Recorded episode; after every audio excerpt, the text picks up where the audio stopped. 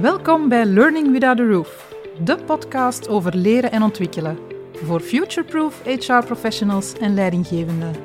Ik ben Els, oprichter van Room Without a Roof. En ik geloof dat inzetten op persoonlijke groei bijdraagt tot meer welzijn bij mensen en een positieve impact heeft op de bestaanszekerheid van organisaties. In de podcast reik ik je een concreet stappenplan aan om binnen je organisatie te evolueren naar een vernieuwd HR-beleid en begeleiden we jou in je verdere professionalisering.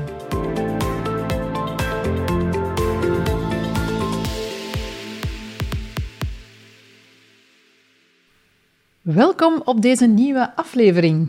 In onze vorige aflevering hadden we het over loopbaanbegeleiding.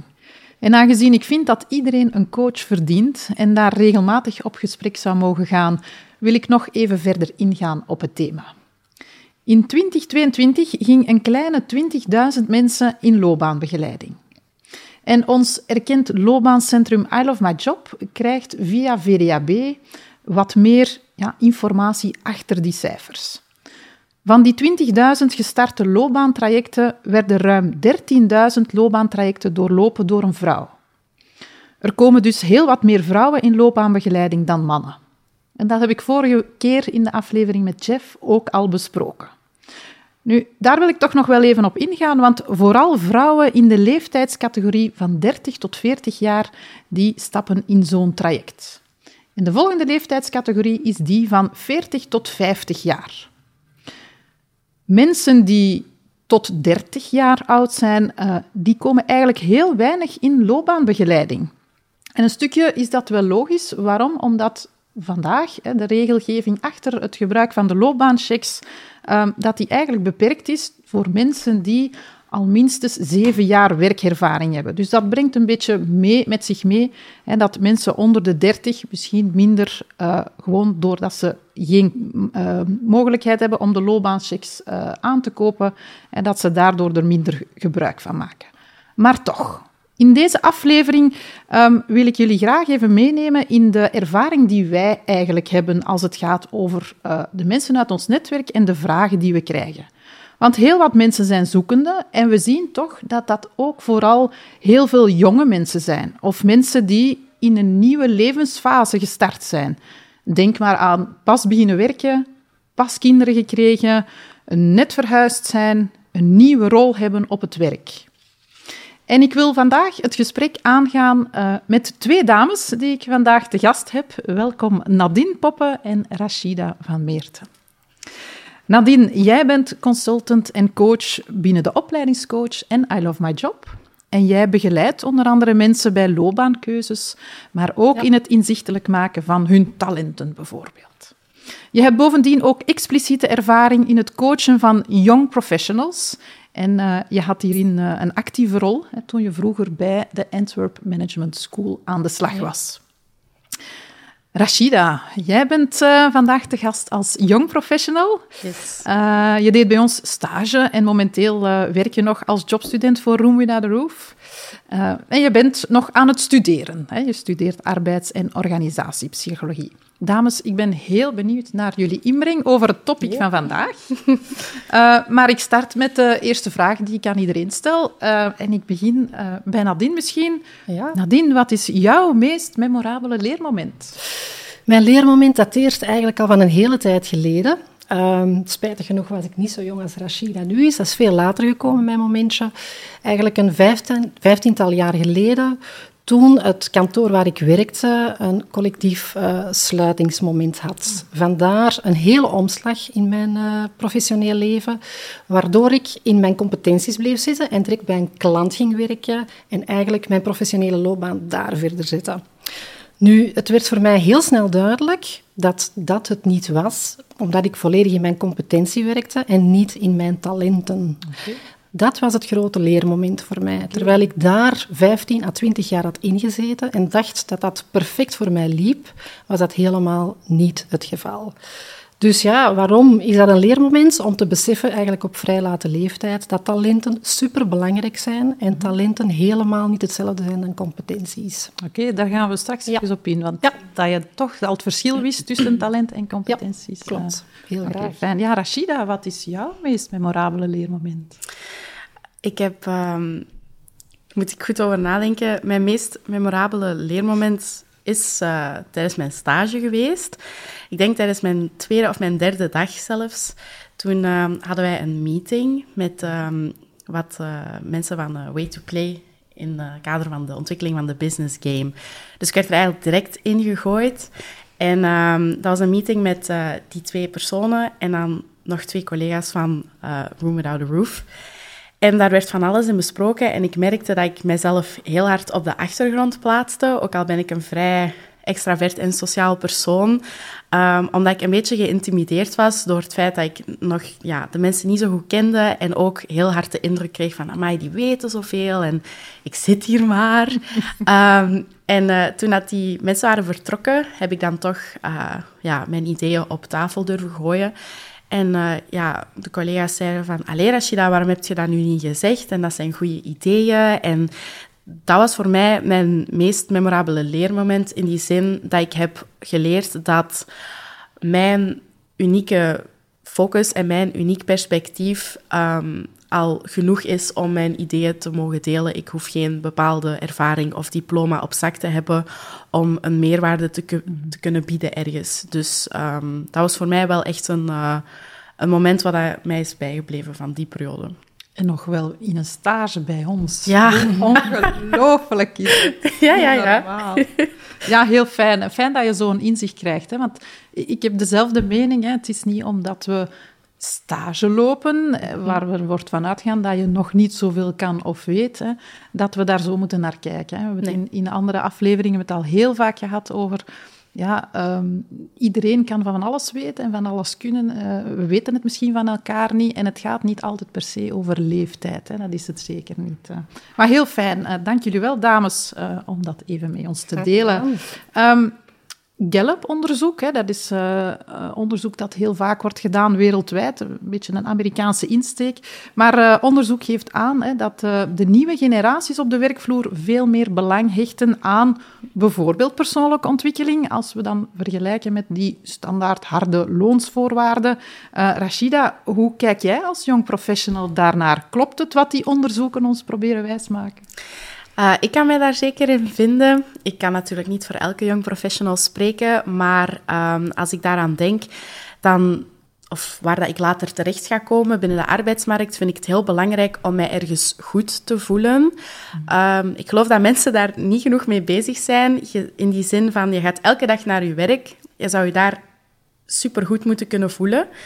Um, ook inderdaad persoonlijke ontwikkeling uh, en blijven ontwikkelen vind ik ook heel belangrijk. Ik geloof dat Um, tuurlijk hechten mensen belang aan loon en aan salaris, um, maar dan kijken we heel fel naar extrinsieke motivatie, terwijl dat mensen ook intrinsiek gemotiveerd moeten zijn en naar hun werk gaan omdat ze dat leuk vinden, omdat ze dat goed kunnen, omdat dat past bij wie dat ze zijn. En dat ze daar ook de mogelijkheid in krijgen om te blijven groeien. Aangezien de wereld en de maatschappij blijft veranderen, is het normaal dat wij ook mee evolueren binnen die um, verandering. Dus ik denk zeker dat er meer waarde daaraan wordt gehecht binnen, of ja, naar mijn mening en binnen mijn generatie, denk ik dan. Um, dus ja, ik geloof dat dat onderzoek zeker wel... Um, ook hier kan matchen. Uh, ja, ook ja. hier kan worden toegepast, niet per se alleen, alleen daar. Ja, ja, ja. Nadine, dat is toch niet in alle generaties zo? Nee, nee dat klopt. Um, ik ben heel blij dat wij nu zien in jongere generaties dat er mag ingezet worden op persoonlijke ontwikkeling.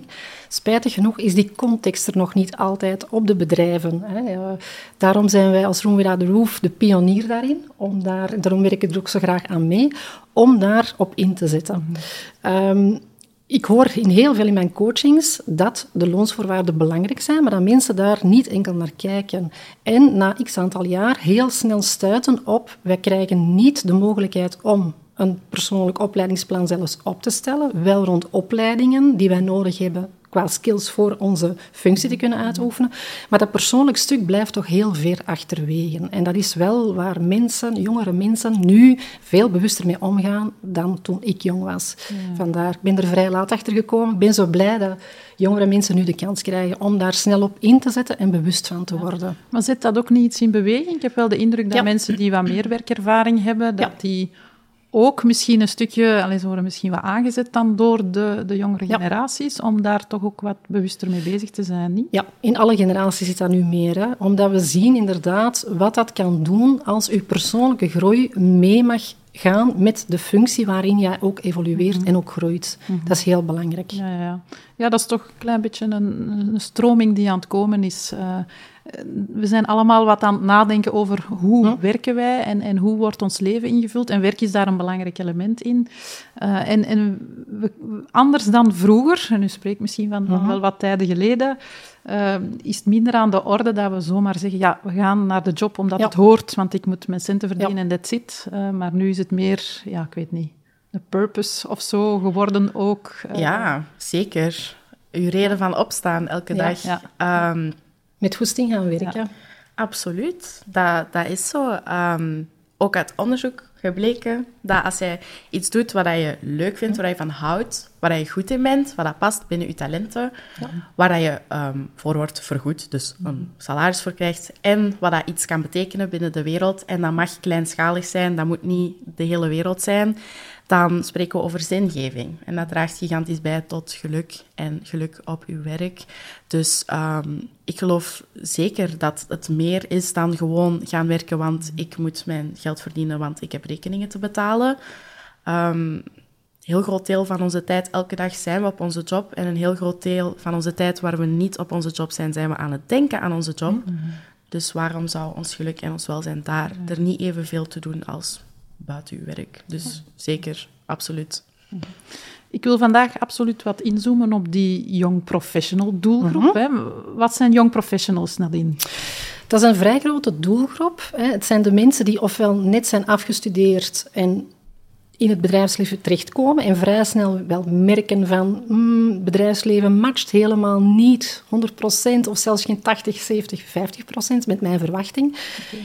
Je hebt ook mensen die al een aantal jaar in het bedrijfsleven zitten, dat kan van twee tot vijf jaar gaan, en die dan in een andere gezinssituatie terechtkomen. Mm -hmm. Die dan papa of mama worden, uh, niet enkel de prio's neerleggen op hun werk en bij zichzelf, maar nu een combo moeten maken, wat toch wel heel veel stress teweeg brengt. En dan heb je ook nog een aantal mensen die soms single zijn, hè, die zijn er ook, die soms door het single zijn beter de work-life balance kunnen houden, mm -hmm. heb ik het gevoel wel. Mm -hmm. Omdat die andere prio's van gezin er nog niet worden opgelegd. Mm -hmm. Dus dat is een vrij grote doelgroep, ja, waar momenteel niks voor gedaan wordt rond loopbaanchecks. En daar zit eigenlijk een grote gap. Want het is in de eerste vijf jaar die groep dat er heel veel beweegt. Ja, ja. En misschien ook voorbereidend, hè? want als we echt beginnen aan uh, zo jong mogelijk, mm -hmm. dat wil zeggen die pas afgestudeerden, maar ook, ik weet niet, wordt dat vandaag op scholen al goed begeleid, dat je een goede richting kiest of dat je de verwachtingen wat helder hebt als het gaat over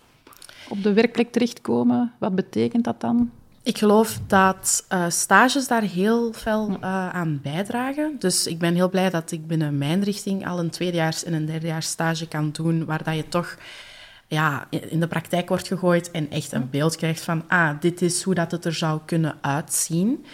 Um, maar verder, binnen het school zelf, um, wat ik heel goed vind aan het feit dat ik op een hogeschool zit, is uh, omdat ik een balans heb tussen theorie en praktijk. Wij hebben vakken zoals HRM en dan aan de slag met HRM. Dus je leert iets en je leert direct wat je daar dan mee moet doen, waardoor dat die balans tussen uh, doen en denken ja, ja, heel goed is. En daardoor blijven dingen mij veel meer bij. Dus in dat opzicht vind ik dat wel heel goed. Als het aankomt op het kiezen van een correcte studierichting, is dat nog iets anders. Um, ik geloof dat niet elke richting even realistisch wordt afgebeeld als je uh, van het middelbaar komt en gaat kiezen wat dat je wilt gaan doen. Uh, ik ben zelf ook veranderd na het eerste jaar, omdat ik... Um, je gaat naar een opendeurdag of je leest wat brochures, maar dat is toch anders dan wanneer je in die aula zit. En dan krijg je pas dat besef van, ah, dit is hoe dat, dat echt is. En ik geloof dat dat ook zo is als je afstudeert en naar het werk gaat. Dat je ook dan met een verwachting gaat en dan kom je daar en dan, ah, dit is hoe het echt is. En dat kan een positieve zijn, maar dat kan ook een tegenvaller zijn. En daardoor denk ik dat het heel belangrijk is om in te zetten op die praktijkervaring. En die stages aan te bieden en mensen te motiveren en te stimuleren om doe iets buiten je comfortzone. Kies iets waar je nog niet voor gekozen hebt en ontdek gewoon. Want nu tijdens je studie kan je nog proeven van alles. Ontdek, zie waar je interesse en je talenten ligt. En dan krijg je automatisch een betere, ja, een betere perceptie van dit is hoe dat er zou kunnen uitzien als ik weg ben van de schoolbanken. Zou een coach jou kunnen helpen? Absoluut, absoluut. Ehm, bij ons op school heb je ook mensen die dat aanbieden, hè, die u ehm, begeleiden. En ik geloof zeker dat dat zou kunnen helpen, ehm, omdat een coach kan mij uh, inzichten geven die ik zelf niet heb, gewoon door het feit dat ik in een bepaalde situatie zit. En die persoon kan wel een objectief uh, beeld geven. Maar ook geloof ik dat een coach ja, mij kan helpen om mijn talenten blij te blijven indek, uh, inzetten, eventueel talenten te ontdekken, maar ook um, te denken in talenten en te denken in van binnen welke context zou jij floreren, um, wanneer zou jij optimaal kunnen inzetten waar dat jij goed in bent en op die manier een bijdrage leveren aan ja, binnen de arbeidsmarkt. Dus ik denk dat een coach heel belangrijk is. Een coach is niet... Je, je, ik vind niet dat je pas op zoek moet gaan naar ondersteuning of begeleiding wanneer het um, eventueel slecht gaat of heel slecht gaat. Maar je kan ook um, oproep doen op een coach gewoon puur om jou nog vooruit te helpen. En mm-hmm. te zien dat je nog meer groeit en nog meer bloeit. Um, omdat dat is ook belangrijk, mm-hmm. geloof ik. Dus coach, zeker. Mm-hmm. Nadine, jij, jij, ziet wel wat mensen die al een stap verder zijn. Hè? Ja, die zijn klopt. al afgestudeerd en die zijn al, al dan niet eventjes aan de slag. Hè? Een paar ja, jaar misschien al klopt. aan het werk. En die komen misschien jammer genoeg altijd wel wat reactief, hè? in de zin ja. van oei, ik zit ja. op mijn grens. Of, ja. Uh, ja. dat is het spijtige. Um, ik vind het heel fijn dat Rashida benoemt dat je eigenlijk al preventief mag werken aan jouw veerkracht voor je in het bedrijfsleven stapt. Hè? En dat je ook weet wie ben ik als persoon. Want de meeste mensen komen al in een valkuil tot bij mij. En dat is natuurlijk goed voor ons als coach om mensen daarin te begeleiden. Maar mensen zijn zich soms niet bewust van dat onbewuste gedrag dat er allemaal onder zit. Mm -hmm. Ze komen in hun valkuil op hun werk en ze merken van ja, alles begint hier te wringen, maar zitten eigenlijk al zo ver doorgeschoten dat ze niet meer goed weten van, ja, van waar komt nu eigenlijk dat gedrag dat ik zo reageer. Dus er zit heel veel onder de waterlijn en het is fijn om als coach dan met een spiegel, een objectieve spiegel, naar mensen te kunnen kijken, nadat ze naar zichzelf kijken eigenlijk, en naar dat gedrag ook kijken van waar komt dat eigenlijk? Is dat enkel bij mezelf of mag ik ook kijken naar die context? Want context is heel belangrijk. Okay. En uh, mensen onderschatten wel eens als je jezelf niet goed kent en waar ben ik als persoon gevoelig voor, naar mijn competenties en talenten toe, hoe speelt die context soms onbewust op mij in? En daar zit je al veel verder in door als je bij een coach terechtkomt. Okay. Dus preventief zou ik zeggen, fantastisch als je al op voorhand ja. daarmee aan de slag gaat. Wat zijn zo uitdagingen waar mensen voor staan dan, degenen die ja. bij jou komen?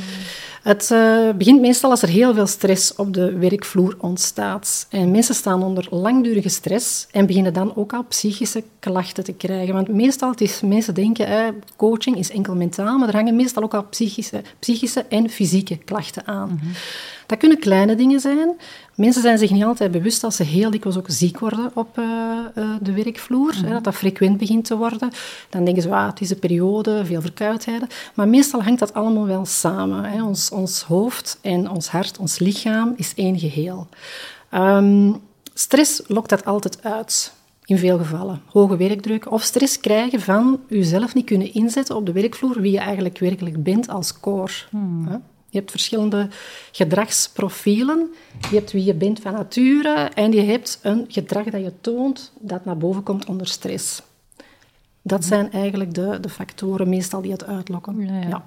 Het niet kunnen authentiek zijn op je werkplek of, of niet bewust zijn van het feit dat je niet authentiek bent, dat brengt wel wat... Uh, ja. Of denken dat je jezelf heel goed kent Uh, tot dan blijkt dat je jezelf heel goed kent op competentieniveau, maar dat je denkt je talenten te kennen, maar eigenlijk het talent niet goed kan benoemen. Hè? Dat je denkt, het is een talent, maar het is eigenlijk een competentie. En dat is perfect. Hè? We hebben competenties nodig op de werkvloer. Hè?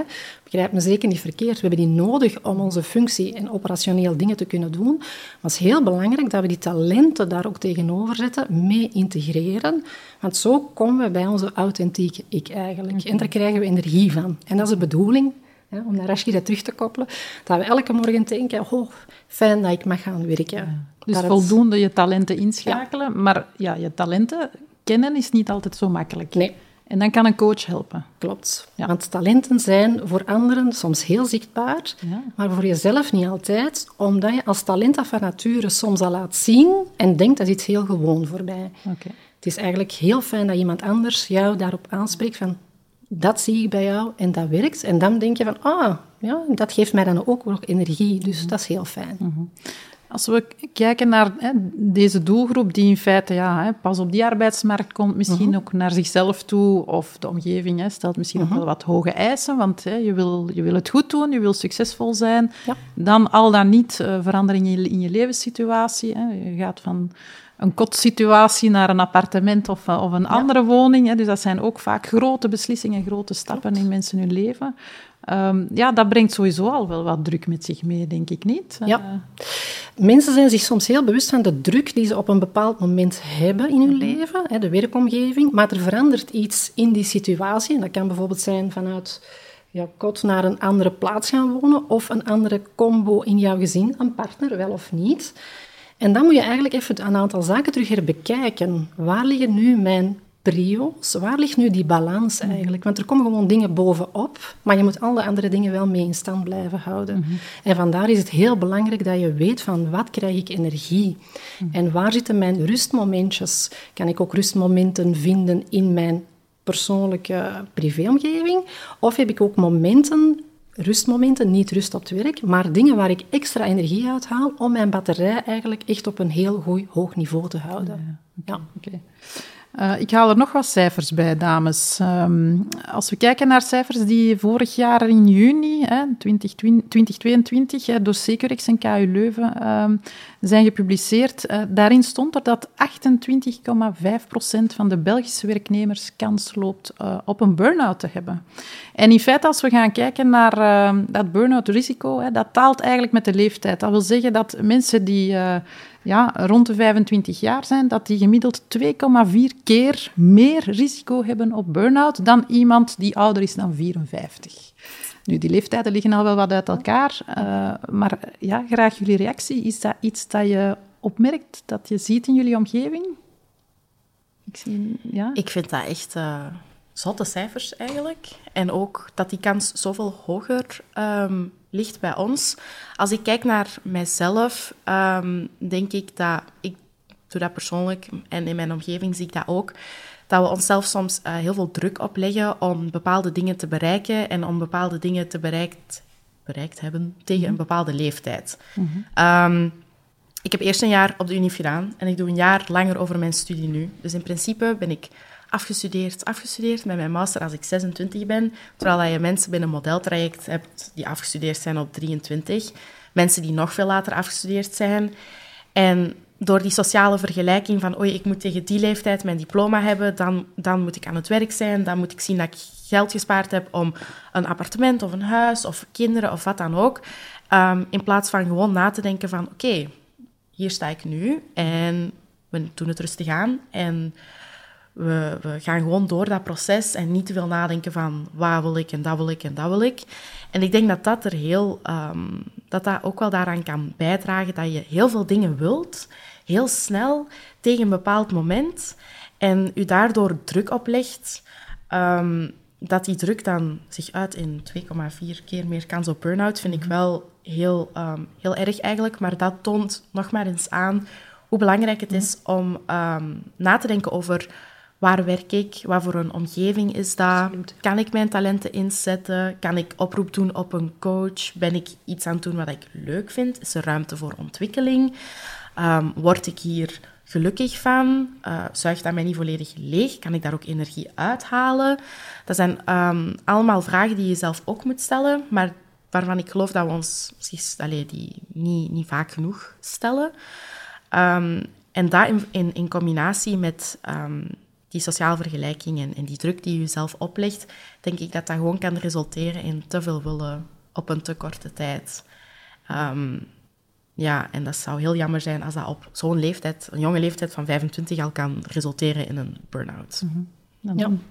Ja, reactie. Ja, ik, uh, ik volg het helemaal. Ik denk dat mensen, ook eh, jongere mensen, zich nu wel veel meer bewust zijn van um, in welke fast-paced maatschappij wij leven. Dus druk komt niet alleen van op het werk, maar van op alle vlakken. Hè. Ook social media is er heel belangrijk in. Wij zijn eigenlijk 24 uur dat ons brein constant aanstaat. We denken ook dat we ermee om kunnen, maar dat is eigenlijk, ons brein is daar niet voor gemaakt om 24 uur zo snel altijd alles te willen verwerken. Als we er nog eens bovenop leggen, zoals dat je zegt, mensen die hoog opgeleid zijn, want dat zijn de cijfers eigenlijk die ook wel bovenkomen, mm hoogopgeleide mensen, boven de 25 jaar, hebben daar meer risico op. Ik denk dat dat ook wel komt omdat we ons een perfectionistisch beeld uh, vormen van wat in die vijf jaar naar 30 toe allemaal zou moeten gebeuren. Ehm, dat is niet altijd haalbaar en het is heel moeilijk om jezelf je spiegel voor te houden natuurlijk. Want je ziet op die leeftijd ook in die omgeving waar heel veel mensen in datzelfde tempo gaan. Het is heel fijn als er eens iemand objectief vanaf buiten komt, een coach of een mentor, die jou een spiegel voorhoudt en de vraag ook stelt. Want die vraag komt niet altijd van jouzelf. Op het moment dat je in die fast-paced tempo zit, is het heel moeilijk om te zeggen, ah, Ga je hier om de drie, vier maanden of halfjaarlijks eens even naar mezelf kijken, ben ik goed bezig? Dat komt meestal in het geval dat mensen beginnen te voelen van er begint iets te wringen op mijn werk of iets in het gezinsleven of privé triggert dat. Mhm. Dus het zou heel fijn zijn, ik vind het knap dat je dat ook zo benoemt, Rashida, dat mensen daar meer bewust mee omgaan en sneller de stap nemen naar coaching. Mhm. Want burn-out is natuurlijk het laatste stuk. We zouden heel graag aan preventie doen. En preventie is nodig om een bepaalde veerkracht op te bouwen, dat je niet in burn-out geraakt. Ja, als ik even kijk naar mijn generatie, je ziet dat niet aan mij, maar ik ben niet meer onder de dertig. Ehm, ik weet ook, en dat is zoals jij zegt, Nadine, ik herken dat fantastisch. Hè? Je zit in een omgeving, je hebt jouw kennissenkring, jouw eigen netwerk, hè, dat meestal vrij gelijklopend is met dat van jou. Uh, en je ziet dat ook wij hè, de lat vrij hoog leggen. Hè. Je zal succesvol zijn, je zal dit gaan doen, je zal tegen die leeftijd dit en dit, hè, zoals Rashida het zei. Uh, dat, dat wordt ook wel wat doorgetrokken doorheen hè, de leeftijden daarna. Uh, maar het is toch wel iets om, om, om heel hard bewust op te zijn. Als we dan die cijfers zien, um, ja, willen we dat toch niet? Hè? Dat onze jeugd eigenlijk uh, al uitgeblust is Klopt. nog voordat ja. ze eigenlijk aan hun leven willen starten. En je hoort dat meer en meer, hè? dat jonge mensen, uh, daar zit ook een taboe op. Hè? Er wordt soms op gereageerd vanuit uh, mensen van mijn generatie. Oh, hoe kan dat? Je bent zo jong en mensen zitten al in een burn-out. Ja, mensen zijn ook wel in een ander tempo aan het leven dan mijn generatie. Mm -hmm. We leven aan 200, 300 per uur. Dat was toen ik die leeftijd had helemaal niet het geval. Mm -hmm. Uh, we moeten inderdaad mee met al de veranderingen die op ons afkomen, absoluut. En er zal in de toekomst nog heel veel voor ons staan, heel veel skills die we zullen moeten aanleren, maar ook hoe gaan we daar als persoon mee om, heel mm. belangrijk. Mm. Uh, je rijdt wel 200 per uur soms, hè Nadine? Uh. Nee, nee. nee, nooit. misschien nog even ingaan, de vraag aan jou Nadine. Mm. Um, ja, coaching. Hè. We zeggen mhm. hier, het zou tof zijn dat we dat preventief doen. Het zou fijn zijn dat mensen dat veel meer gaan ja. gebruiken, proactief. Uh, maar wat is een meerwaarde? Waarom zou je in, in een coachingtraject stappen uh, als je van jezelf denkt van, ja, maar ik heb eigenlijk alles wel, uh, wel goed in handen. Het loopt wel, mm -hmm. het is heel druk, maar oké. Okay. waarom zou je naar een coach stappen? Ja, omdat um, er, er, zit nog een klein stukje taboe op. We nemen een coach of iemand bij de hand als we iets nieuw willen leren. Want ons gedrag is iets wat we eigenlijk doen van nature. Willen we ons gedrag veranderen of denken we van het zit toch niet 100% goed, dan neem je bijvoorbeeld, als je in sport zou zijn, automatisch een coach. Heel logisch. Alleen denken we soms, als we iets willen doen op ons mentaal welzijn, hebben we er niemand voor nodig. Niemand hoeft ons daar iets over te zeggen. Maar we hebben net die andere persoon nodig om ons een spiegeltje voor te houden. Want jezelf, nogmaals, een spiegel voorhouden. Je kan aan zelfreflectie doen, maar je gaat nooit de dingen zien die iemand anders jou spiegelt. Mm -hmm. En daar zit eigenlijk het heel grote stuk. Mm -hmm. Ons gedrag stuurt ons ook automatisch in het gedrag dat we willen blijven doen. En het is heel moeilijk om daar uit te stappen en uit je comfortzone te komen en te denken, ik ga die weg eens helemaal inslaan, mhm. om een aantal opportuniteiten te zien die we zelf niet zien. Mhm, mhm. Dat is de meerwaarde van een coach ook, om preventief, voordat je helemaal in die valkuil zit, preventief aan je veerkracht te werken. Oké. Ehm, je zegt het hier zelf, Nadine, uh, hier juist Ehm, we hebben niet de neiging van nature om al op voorhand mhm. naar een coach, en zeker niet voor ons mentaal welzijn. Hè. Mhm. In het kader van sport doen we dat allemaal wel. Ik heb zelf ook uh, tennisles gevolgd ooit, en dan heb je een personal trainer, iemand die op alles feedback geeft dat je doet. Ja. En maar voor ons mentaal welzijn doen we dat minder. Over wat gaat dat? Wat maakt dat we dat niet doen?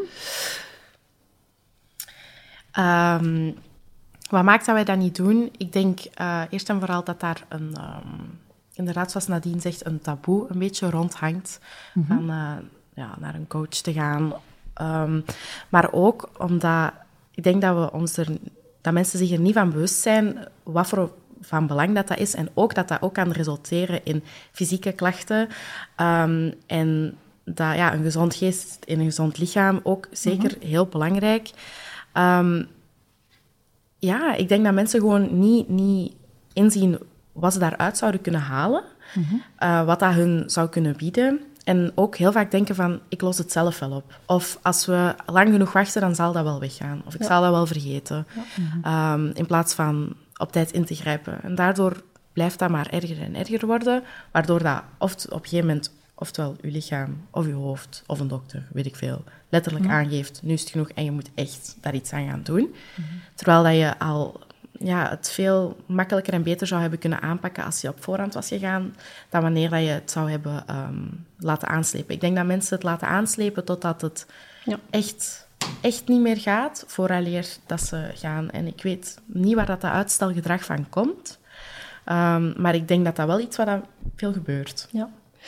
Ik denk ook een stukje omdat mensen nog niet goed kunnen vatten wat betekent het voor hen als ik mhm. naar een coach ga. Wat gaat mhm. die coach voor mij kunnen uh, als advies geven, want dat is het niet echt advies geven, want elk antwoord komt vanuit zichzelf. Mhm. En daar zit eigenlijk het puntje, als je een kort gesprekje hebt met iemand en je stelt een, een, aantal vragen, dan merken ze, ah ja, dat lijkt mij wel interessant, daar wil ik eens een keertje naar kijken. Dus het is eigenlijk dat drempeltje overgaan. Ja, misschien wat onbekend, dus onbemind. Ja. Misschien een beetje dat, niet weten, wat komt er aan bod. wat komt er op mij af? En daar... wat, gaan, wat, gaan die van, wat gaan die vragen? Wat gaan die vragen? ja, uh, klopt. Misschien dat een beetje. En er ook tijd voor maken, hè, of de juiste prioriteit. En daar zien we, doordat we het misschien niet kennen, zien we nog niet wat kan het, ons brengen. meebrengen dan. Hè, wat kan het ons bieden. En dat zien wij zelf. Hè, natuurlijk, um, binnen Room Without the Roof bieden we coaching aan, aan, aan iedereen. En daar heb je soms wel mensen die zeggen, ja, ik heb ik niks, eh, er ligt niks op mijn lever. Uh, Alles gaat eigenlijk prima. Uh, dus waarom zou ik dat dan doen? Maar toch, en dat vind ik dan heel fijn om te zien het moment dat ze dan uit zo'n gesprek komen, dat ze toch uh, hebben gezegd, ja, maar ik heb toch iets ontdekt uh, waardoor ik het nog beter kan gaan doen. Of uh, hè, dat, dat ik terug energie voel stromen, waar, ik, waar ik misschien minder bewust van was dat die wat minder aan het lopen was. dus het brengt wel wat, maar ja, het komt erop aan van het vooral te ervaren, hè, van het eens mee te maken. Dus allee, een warme oproep om allemaal eens een experiment voor een eerste coachingsgesprek te doen. Oké. Rashida, als je puur kijkt naar eh, de mensen van jouw leeftijd, um, zouden die sneller een stap zetten naar een coach dan iemand die al wat uh, ouder is? Ja, dat geloof ik wel. Um, natuurlijk, zoals ik zei, representeer ik niet iedereen, maar uh, ik zelf doe dat al en ook vriendinnen in mijn omgeving doen dat ook. Dat is nu nog binnen de ja, beperkte omgeving van school. Mm -hmm. Maar um, daar wordt echt wel veel meer op ingezet. En ook als ik daarover babbel met, um, binnen mijn netwerk, dan is er ook meer... Um, ja, je merkt dat mensen meer inzien van... Ja, ja, dat is belangrijk. Ah ja, dat is, goed dat je dat doet. En je gaat, dat, gaat daar van alles uithalen. Dat is, dat is goed om, dat, om daarover te praten. Dus um, ik geloof dat daar wel een verandering binnen aan het gebeuren is, maar dat dat ook traag gaat. Mhm. Maar ik denk wel dat we steeds meer de goede richting um, uit aan het gaan zijn. Dat kan natuurlijk ook liggen aan het feit dat ik binnen ja, de psychologie studeer. Um, dat mogen we zeker niet vergeten. Ik denk... Um, dat een van de belangrijkste dingen die ik heb bijgeleerd binnen de psychologie, dat ik misschien zelf af en toe wel zo'n goed gesprek met iemand deugd kan doen. Ehm, dus dat zou ook uh, kunnen meespelen. Maar ik geloof echt wel dat dat bewustzijn aan het groeien is. Dat dat belangrijk is. En ik ben vooral blij om te zien dat mensen dat doen. Um, omdat je daarna daarover praat en hoort van, amai, en die zei die twee zinnen en er is een knop omgedraaid. Of die zei dat en ik dacht, amai, dat ik dat niet heb gezien. Dat was recht voor mijn neus en ik merkte dat niet. Of ja, dit gedrag dat ik aan het stellen was voor zo'n lange tijd, was eigenlijk echt contraproductief en zelfs een beetje slecht. En die heeft mij daarop gewezen. En mm amai, en gewoon dat kan u uw beeld zo verrijken. Dat kan u zoveel eh, nieuwe ideeën en perspectieven en inzichten geven, waarvan we allemaal wel denken dat we er zelf op zullen komen, maar gewoon een gesprek van een uurtje en je staat veel verder dan de afgelopen zes maanden. Dus um, ik ben blij om te zien dat dat bewustzijn aan het groeien is en ik hoop dat dat ook blijft groeien binnen ja. de young professionals. Want allee, op zich, ja, wij zijn hier uiteraard een oproep aan het doen om meer in coaching te gaan. Dat is mhm. al een heel seizoen lang zo. Uh, nu, het het, het, gaat er vooral over dat je vooral zelf voor jezelf kijkt wat is er nodig. Hè? En coaching is een vorm die kan helpen of, of is iets, hè? Een, een vorm, mhm. een methode die, die jou misschien ja, een trapje hoger kan brengen als je dat wil.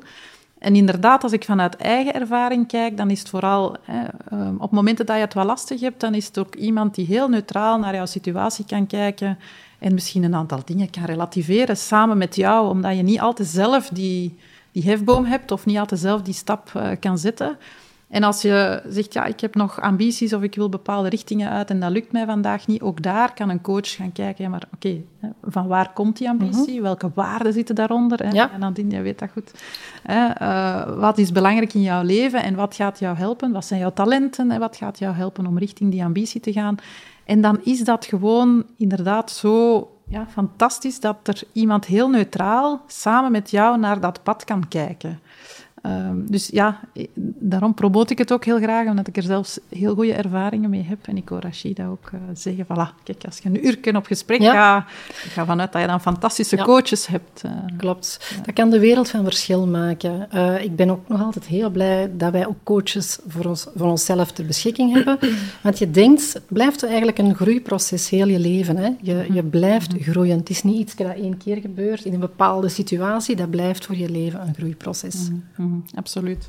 Ik ehm, kwam toevallig een blogartikel van Mama Baas tegen. Dat is natuurlijk niet toevallig, want ooit was dat uh, vooral mijn doelgroep, hè, Mama Baas. Uh, nog steeds een beetje, maar uh, onze dochter wordt al wat groter, dus ik zit minder in de babyomgeving. Hè, maar ehm, vandaar komt dat vooral.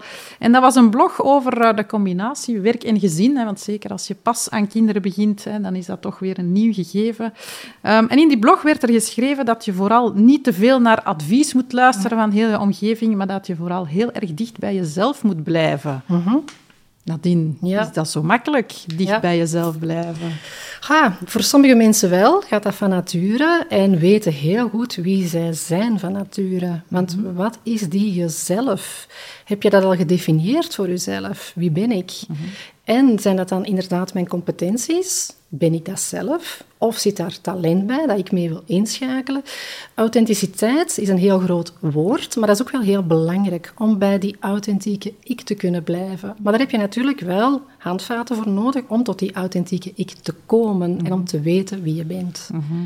En in elke situatie, binnen het gezin ben je misschien iemand anders, op kantoor, idealiter ben je dezelfde persoon op verschillende vlakken.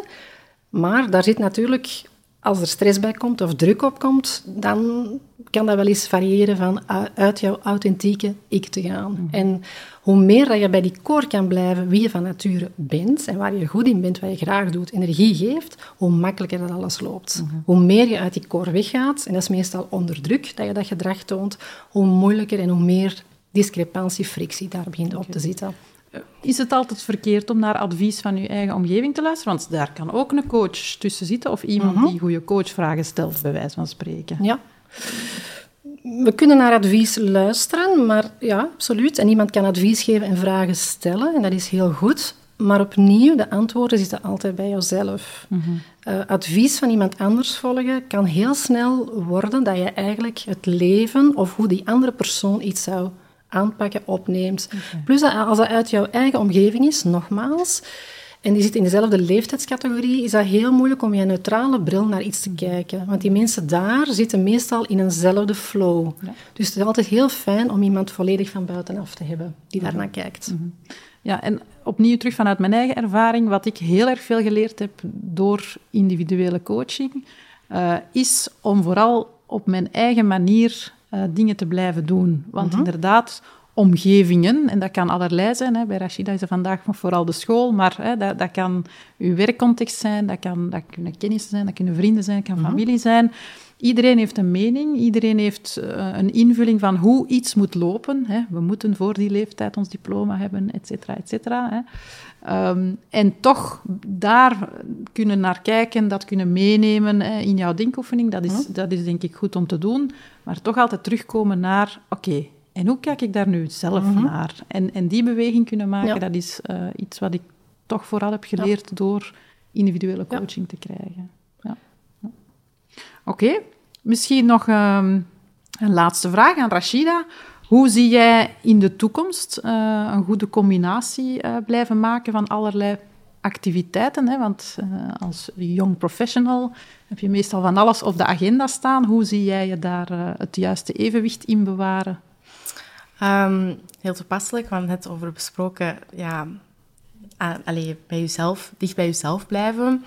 Um, en regelmatig nadenken um, wat je belangrijk vindt, wat je graag doet, waar je goed in bent, waar je in wilt groeien en waar jij jouw talent kan inzetten om een meerwaarde te bieden. Ik denk dat je, dat je die reflectie niet één keer maakt en daarna nooit meer. Omdat ik geloof dat veel mensen graag een bepaald de job willen uitvoeren en misschien na tien jaar ontdekken van, goh, deze interesseert mij ook wel.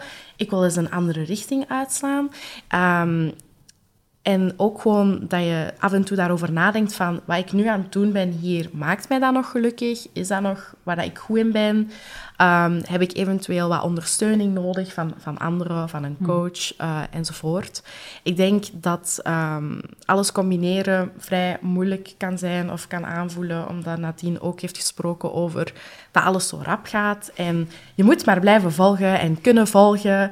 En ik geloof dat daar uh, de context ook gigantisch belangrijk is, dat je um, leeft en werkt binnen een context die jou de ruimte biedt om te groeien op je eigen tempo en, en, en om te gaan met verandering op jouw eigen tempo. We zijn niet allemaal gigantisch flexibel. Um, voor sommige mensen gaat dat sneller dan voor anderen. En ik geloof dat als we die druk wegnemen om iets te kunnen of iets te doen of iets te denken tegen een bepaald moment, maar mensen gewoon de ruimte geven om het op hun eigen tempo te doen, dat ze niet alleen veel meer leren, maar ook liever leren en ook ja, wat ze leren meer gaan inzetten in de praktijk. Dus ik denk dat het heel belangrijk is om vooral ja, bij jezelf te blijven en regelmatig die reflectie te maken.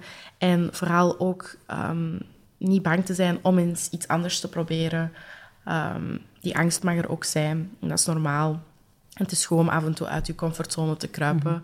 Dus um, ik geloof dat dat zeker een uitdaging is. Maar ik geloof ook dat wij als young professionals, iedereen, dat je dat zeker aan kan. Maar dat je niet te veel naar anderen moet kijken en vooral moet kijken naar jezelf um, en u daarop afstemmen. Oké, okay, dank je Rashina. Nadine, heb jij nog een, een tip die je graag wil meegeven naar de young professional van mhm. vandaag, die misschien wat aan het worstelen is? Ja. Uh, het, is misschien een, het lijkt misschien een banale tip, maar ik denk dat hij wel kan werken. Mhm.